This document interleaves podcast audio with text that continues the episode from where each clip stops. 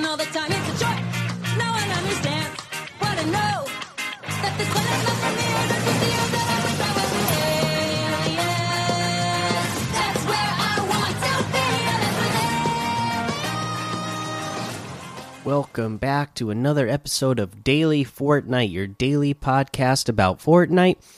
I'm your host, Mikey, aka Mike Daddy, aka Magnificent Mikey. Today, a hot fi a hot fix was released. It basically just, uh, you know, was fixing some stability issues. I did notice the last couple of days, uh, especially when I was playing on Sunday, I was getting a lot of uh, connectivity issues happening. So, uh, hopefully, with the hot fix that was released this morning, that won't be as big of an issue going forward for uh, this week. And then the other thing, they gave us a little teaser on social media saying that Hot Saucers Mary here. Apparently, the IO's Sneak Week strategy is resulting in a standoff with the aliens. They're already discussing how to get the jump on them in the next wild week. And the jump is uh, in all capital letters, giving us the clue that uh, you know the next wild week is probably going to have to do with jumping. So, what do we know? It's maybe say, same type of thing that they did before. Remember, they uh, had a wild week where we had the hop floppers uh, were a lot more abundant, so you could jump a lot more like that. Maybe, maybe fishing will be going on with more hop floppers around. Perhaps there'll be even more alien parasites that will help you jump around more. Perhaps they will add in more uh, launch pads for more jumping around. Uh, we'll just have to wait and see. But uh, yeah, for now, uh, enjoy the last couple of days that we have of the sneak week and get ready for whatever uh, it is exactly that we have next that has to do with jumping other than that, there's not really any other news today. So let's go ahead and take a look at what we have in the LTMs today. Imposters, Comeback Duos, Team Rumble.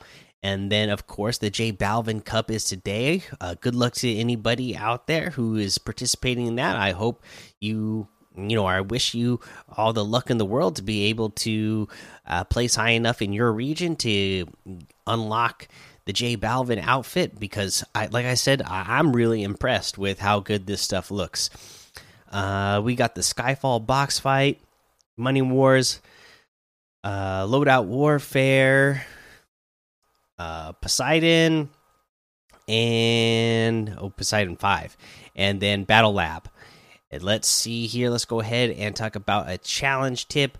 Uh, for the next one we're on is you need to mark an alien parasite, and you know what? Uh, basically, just like going to Holly Hatchery yesterday to get the alien damage done. There's plenty of parasites around this area. Same thing in the right in the middle building, or if you go to the building or the house that's on the northeast corner, I always notice that there's usually a ton of parasites there.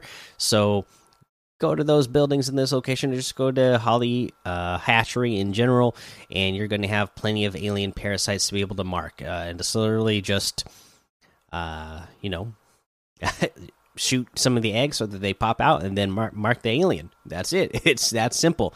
Pretty easy challenge. And i guess you know you can go ahead and get this one done while you're you know there to deal damage to the uh, the trespassers or just deal damage uh, in total for the uh, deal damage in alien biomes. So there you go. Uh, let's see here. That's the challenge tip. Uh, let's go ahead and uh, take a look at what we have in the item shop today. It looks like we have the Fortnite Darkfire bundle returned. I'm not going to go over everything, uh, but just know that's back. Wonder Woman is still here. The bundle, Mecha Morty bundle, still here. We have the Smooth Moves emote for 800. The Mariana outfit with the Moon Jelly back bling for 1,500. The Commando outfit for 800. The Infectious emote for 500. Uh, the Extraterrestrial emote for 500 uh, we have the Amazing Cube emote for 200. Uh, we got the Fanatic outfit with the handbag backbling for 1,200. The Showdown outfit with the Poke Pack backbling for 1,200. the Maniac's harvesting tool for 500, the Blady Bird glider for 800, the Boxy outfit for 800, the Boxer outfit for 800, the Box Basher harvesting tool for 800, the Pop Dropper glider for 800, the crafted cardboard wrap for 300. Uh, and then we have the Bright Bomber outfit for 1,200. Gotta love that one. The Bright Gunner outfit with the bright bag bling for 1,500. You gotta love that one. The Rainbow Smash Harvesting Tool for 1,500. The Bright Blimp Glider for 1,200. Everything that Sunshine Rainbow said is pretty awesome, right? The Triggerfish outfit with the Coral Commandos back bling for 1,200. You gotta love this one as well. I do love this version, and I do really like this back bling. I love uh, hearing a nice little catchy tune whenever you get elimination, right? The Bubble Flage wrap for 500.